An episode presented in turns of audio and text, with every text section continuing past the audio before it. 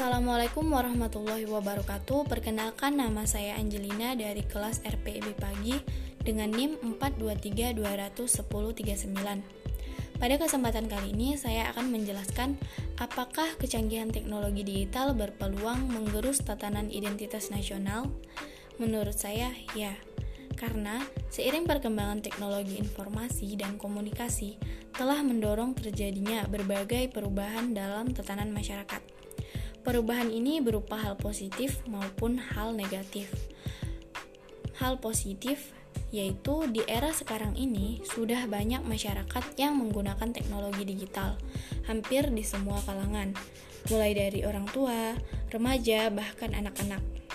Melalui teknologi, kita lebih mudah untuk mengetahui dunia luar, yaitu mempermudah dan mempersingkat proses pertukaran informasi meningkatkan efisien dan aktivitas pekerjaan, meningkatkan pembelajaran online sepenuhnya, mendapatkan banyak referensi melalui media sosial yang menggunakan teknologi digital, dapat berkomunikasi dengan orang lain melalui jarak jauh. Kemudian, hal negatif yang mempengaruhi identitas nasional. Identitas nasional adalah suatu ciri yang dimiliki oleh suatu bangsa. Secara filosofi, membedakan bangsa tersebut dengan bangsa yang lain meliputi tradisi, budaya, dan bahasa. Seiring perkembangan teknologi mengakibatkan dampak negatif antara lain yaitu berkurangnya sosialisasi antara manusia karena terlalu fokus kepada dirinya yang berinteraksi dengan teknologi, hilangnya budaya tradisional, kemudian masyarakat mulai mengikuti budaya luar. Perubahan gaya hidup masyarakat yang meniru negara lain yaitu melalui cara bicara, berpakaian, bahkan pergaulan.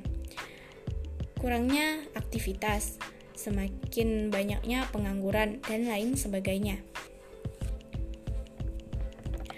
Dapat disimpulkan bahwa teknologi yang terus berkembang dapat mempermudah hidup kita, dan meski begitu, jika tidak digunakan secara bijak, akan berdampak negatif yang justru akan memperburuk kualitas hidup kita.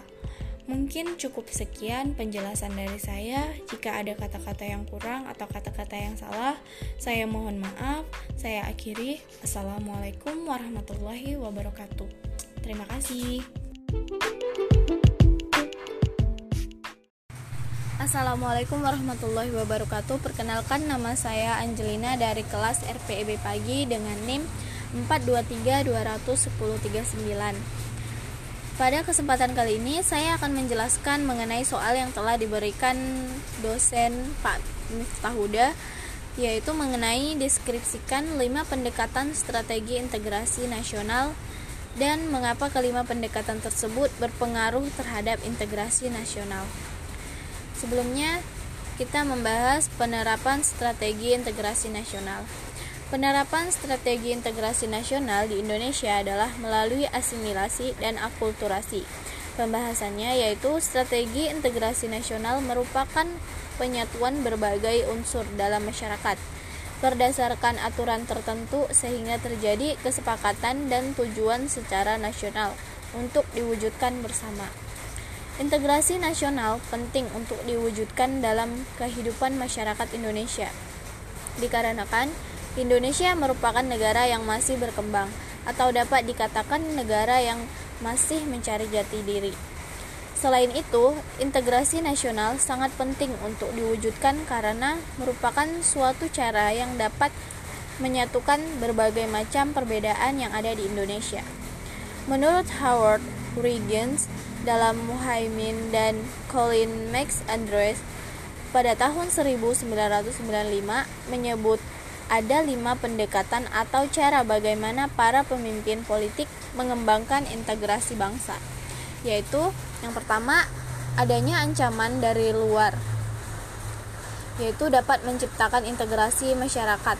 Masyarakat akan bersatu meskipun berbeda suku, agama, dan ras ketika menghadapi musuh bersama. Contohnya pada masa penjajahan, masyarakat bersatu untuk mengusir penjajah dari negara Indonesia. Yang nomor dua yaitu gaya politik kepemimpinan dapat menyatukan atau mengintegrasikan masyarakat bangsa tersebut. Pemimpin yang karismatik dicintai rakyatnya, dan memiliki jasa-jasa besar umumnya mampu menyatukan bangsanya yang sebelumnya tercerai-berai. Nomor tiga, kekuatan lembaga-lembaga politik. Misalnya, birokrasi juga dapat menjadi sarana pemersatu masyarakat. Birokrasi yang satu dan padu dapat menciptakan sistem pelayanan yang sama, baik, dan diterima oleh masyarakat yang beragam. Pada akhirnya, masyarakat bersatu dalam satu sistem pelayanan. Nomor 4, ideologi nasional. Ideologi nasional merupakan seperangkat nilai-nilai yang diterima dan disepakati oleh masyarakat. Ideologi juga memberikan visi dan, dan beberapa paduan bagaimana cara menuju visi atau tujuan tersebut. Nomor 5, kesepa kesepakatan pembangunan ekonomi. Jika pembangunan ekonomi berhasil dan menciptakan keadilan, maka masyarakat bangsa tersebut bisa menerima sebagai satu kesatuan. Namun, jika ekonomi menghasilkan ketidakadilan, maka muncul kesenjangan atau ketimpangan. Mungkin cukup sekian penjelasan dari saya. Jika ada kata-kata yang salah atau kata-kata yang kurang, saya mohon maaf.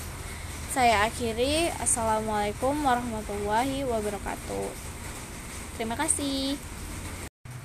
Assalamualaikum warahmatullahi wabarakatuh. Perkenalkan nama saya Angelina dari kelas RPEB pagi dengan NIM 4232109.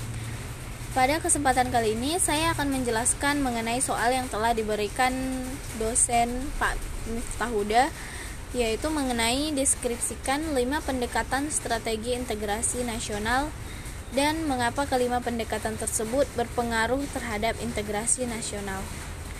Sebelumnya, kita membahas penerapan strategi integrasi nasional.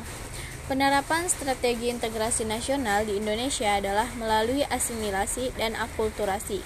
Pembahasannya yaitu strategi integrasi nasional merupakan penyatuan berbagai unsur dalam masyarakat berdasarkan aturan tertentu sehingga terjadi kesepakatan dan tujuan secara nasional untuk diwujudkan bersama.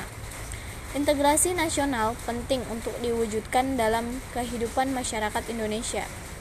Dikarenakan Indonesia merupakan negara yang masih berkembang atau dapat dikatakan negara yang masih mencari jati diri. Selain itu, integrasi nasional sangat penting untuk diwujudkan karena merupakan suatu cara yang dapat menyatukan berbagai macam perbedaan yang ada di Indonesia. Menurut Howard Huygens dalam Muhaimin dan Colin Max Andrews pada tahun 1995 menyebut ada lima pendekatan atau cara bagaimana para pemimpin politik mengembangkan integrasi bangsa yaitu yang pertama adanya ancaman dari luar yaitu dapat menciptakan integrasi masyarakat. Masyarakat akan bersatu meskipun berbeda suku, agama, dan ras ketika menghadapi musuh bersama. Contohnya pada masa penjajahan, masyarakat bersatu untuk mengusir penjajah dari negara Indonesia. Yang nomor dua yaitu gaya politik kepemimpinan dapat menyatukan atau mengintegrasikan masyarakat bangsa tersebut. Pemimpin yang karismatik dicintai rakyatnya dan memiliki jasa-jasa besar umumnya mampu menyatukan bangsanya yang sebelumnya tercerai-berai. Nomor tiga, kekuatan lembaga-lembaga politik. Misalnya, birokrasi juga dapat menjadi sarana pemersatu masyarakat Birokrasi yang satu dan padu dapat menciptakan sistem pelayanan yang sama, baik, dan diterima oleh masyarakat yang beragam. Pada akhirnya, masyarakat bersatu dalam satu sistem pelayanan. Nomor 4, ideologi nasional. Ideologi nasional merupakan seperangkat nilai-nilai yang diterima dan disepakati oleh masyarakat Ideologi juga memberikan visi dan, dan beberapa paduan bagaimana cara menuju visi atau tujuan tersebut. Nomor 5, kesepa kesepakatan pembangunan ekonomi. Jika pembangunan ekonomi berhasil dan menciptakan keadilan, maka masyarakat bangsa tersebut bisa menerima sebagai satu kesatuan. Namun, jika ekonomi menghasilkan ketidakadilan, maka muncul kesenjangan atau ketimpangan. Mungkin cukup sekian penjelasan dari saya. Jika ada kata-kata yang salah atau kata-kata yang kurang, saya mohon maaf. Saya akhiri. Assalamualaikum warahmatullahi wabarakatuh. Terima kasih.